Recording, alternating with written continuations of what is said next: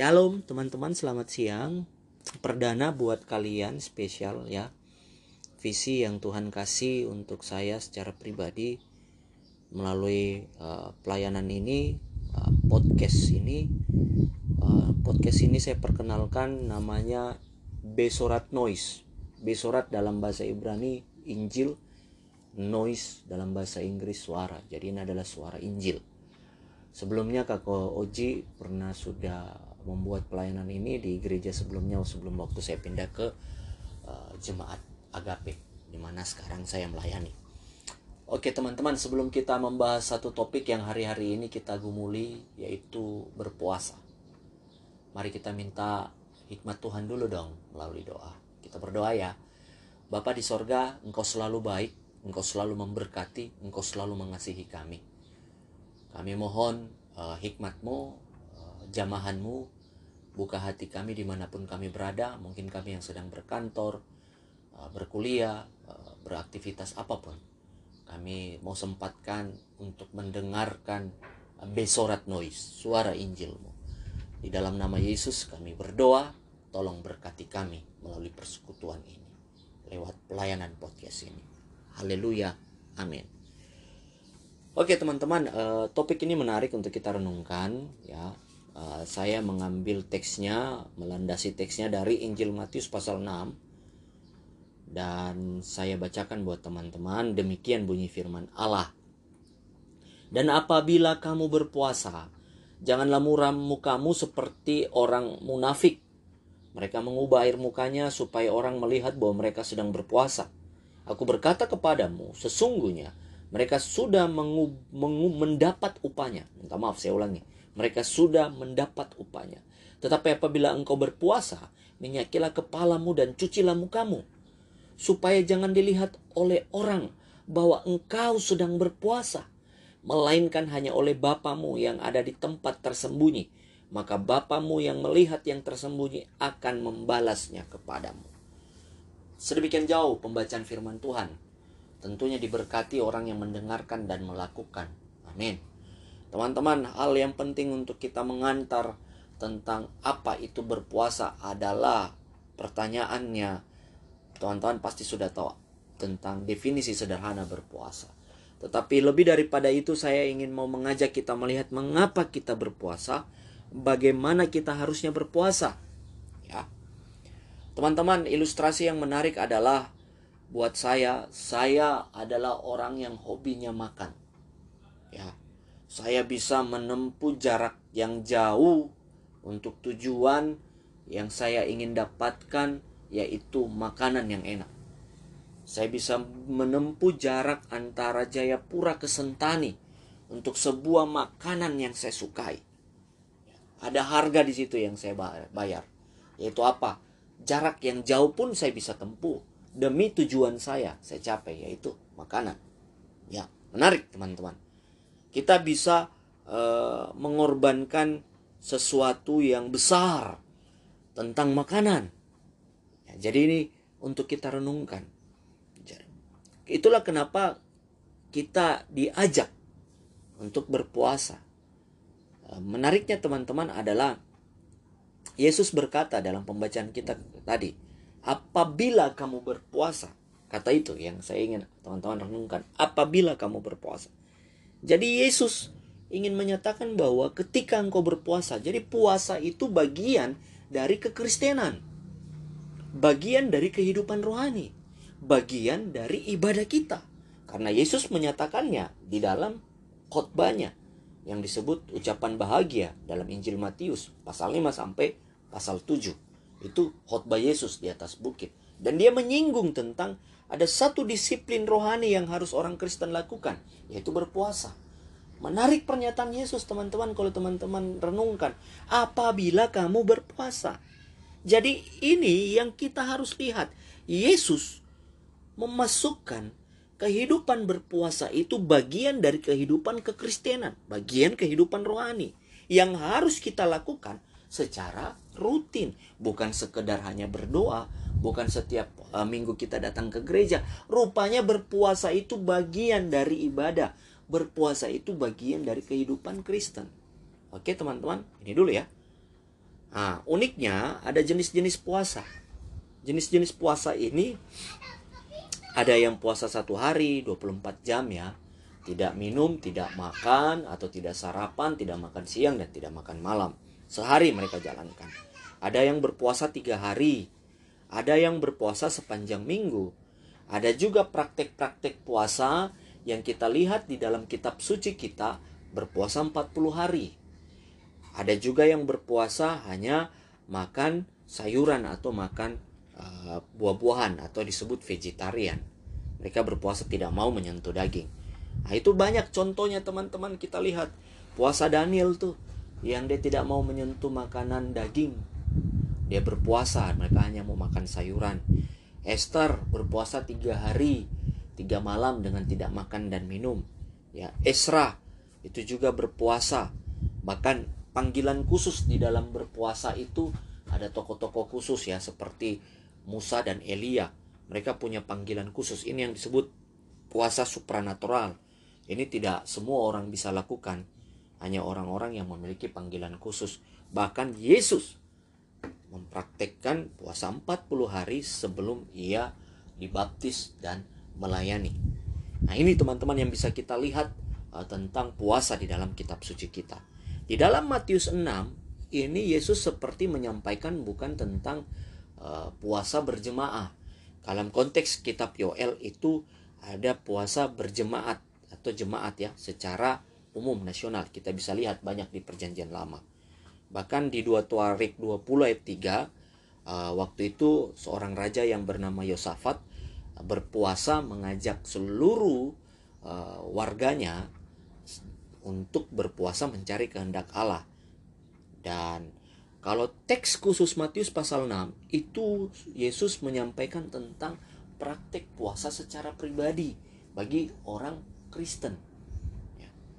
Dan uniknya ada satu tokoh teolog uh, menyampaikan seperti ini pernyataan definisi dia mendefinisikan tentang berpuasa.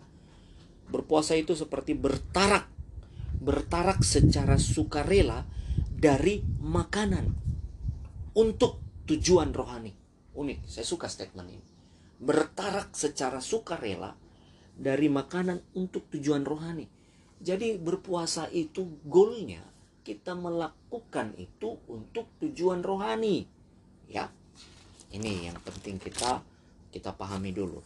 Jadi berpuasa pengertian lain atau alasan lain tentang berpuasa berpuasa juga untuk mengekspresikan kasih dan penyembahan kita kepada Allah.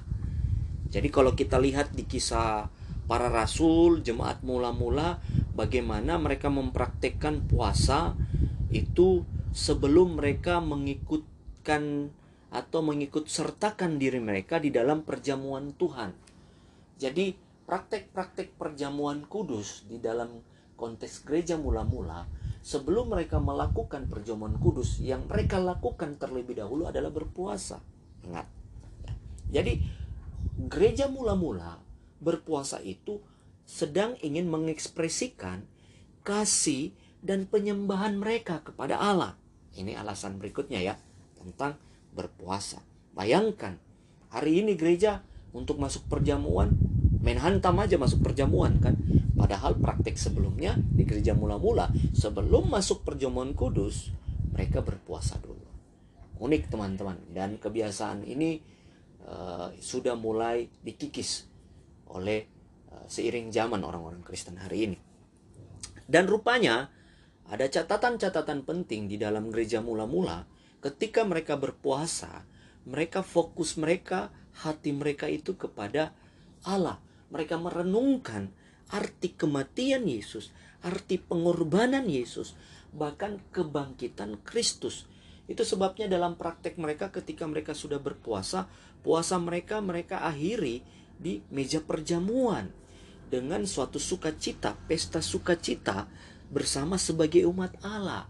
Jadi setelah mereka melaksanakan puasa itu mereka berkumpul dan mereka mengakhiri puasa mereka di meja perjamuan, perjamuan Tuhan. Mereka makan bersama sebagai umat Allah. Itu praktik puasa di dalam kisah para rasul. Jadi alasan berikutnya, puasa memaksa kita berhadapan muka dengan muka untuk apa? Memunculkan wajah Allah dalam pikiran kita. Saya ambil uh, relevansinya dalam kehidupan kita gini teman-teman. Puasa itu yang kita lakukan untuk merenungkan, meratapi betapa sedikitnya kasih kita kepada Tuhan.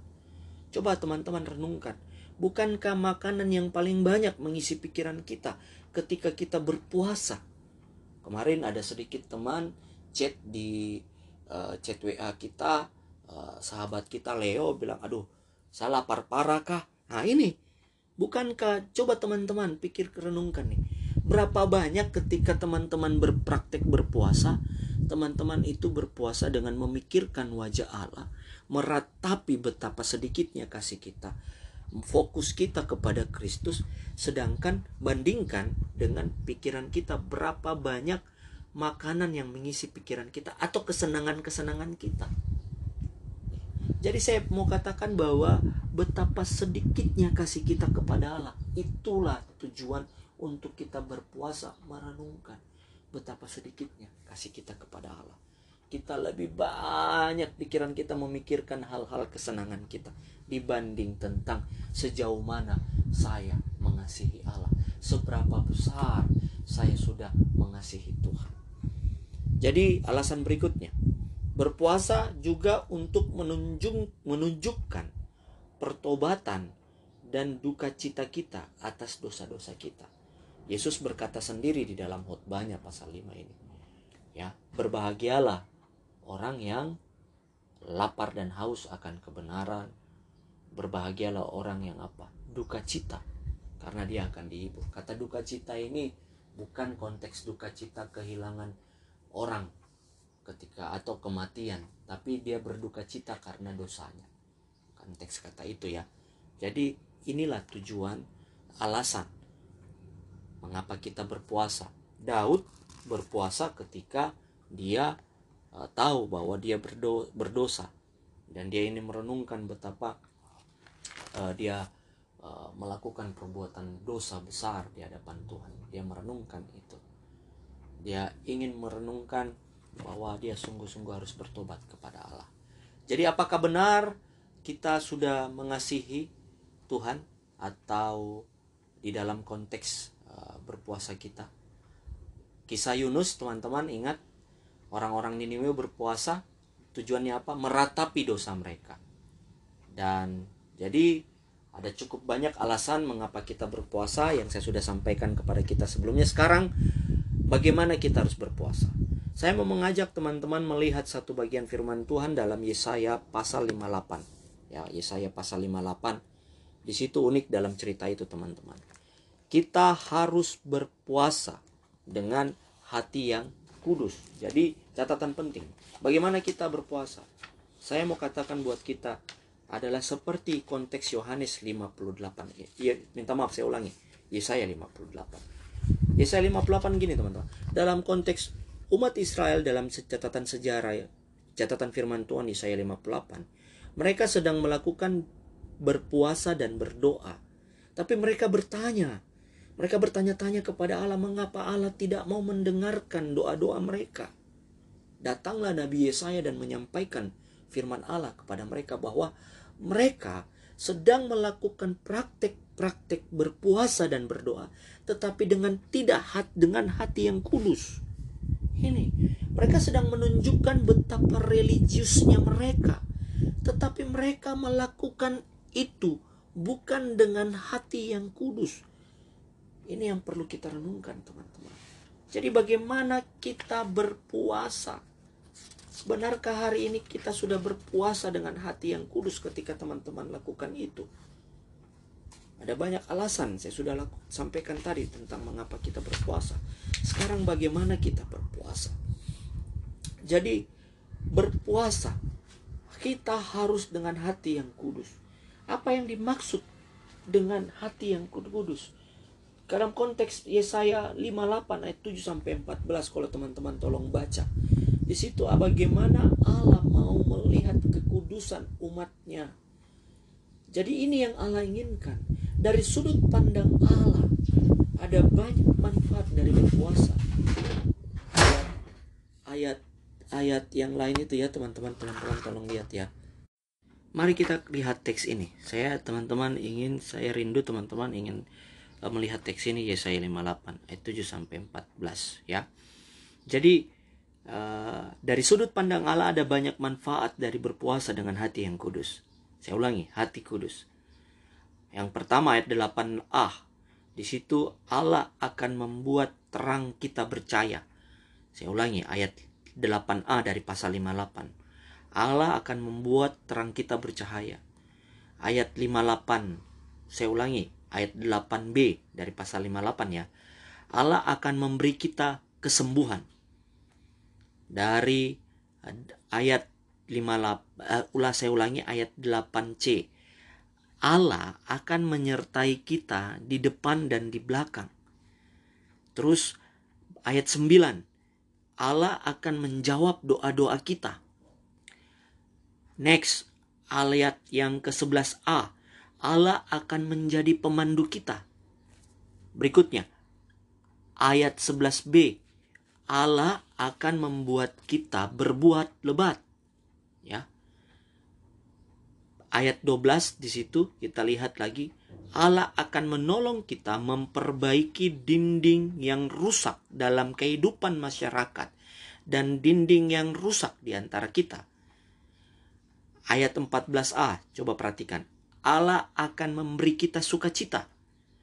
Ayat 14b, Allah akan memberi kita pesta kemenangan.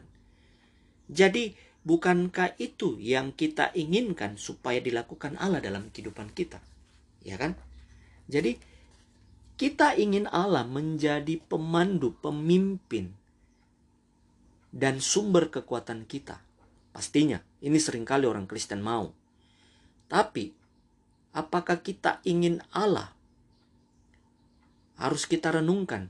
Ini menarik. Kita ingin Allah menjawab doa-doa kita. Jadi kita harus menyadari hubungan antara berpuasa, yaitu sebuah kebenaran yang harus terwujud nyatakan yang disebut kebenaran eksternal, kebenaran yang harus dipraktekkan dengan kehidupan yang saya maksud adalah kekudusan, kehidupan kekudusan yang secara batin.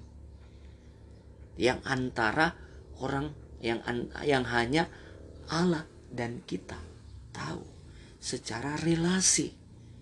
Itu yang disebut kehidupan internal. Hanya teman-teman dan Tuhan yang tahu dalam menjalani praktek-praktek kehidupan kekristenan kita.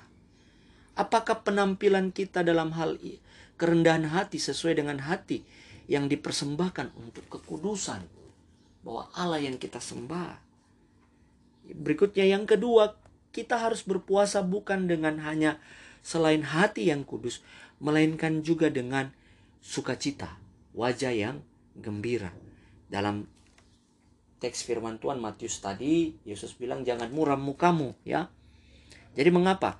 Supaya hanya Allah saja yang dapat melihat kita berpuasa dan tidak menimbulkan sebuah kesombongan dalam diri kita. Oh, oh lihat ya, saya berpuasa. Oh, kota tidak berpuasa mau. Ya. Jadi ini yang menjadi perenungan kita saat ini tentang pertanyaan-pertanyaan yang untuk kita refleksikan. Mengapa kita berpuasa, berpuasa? Bagaimana seharusnya kita berpuasa? Kapan kita harus berpuasa?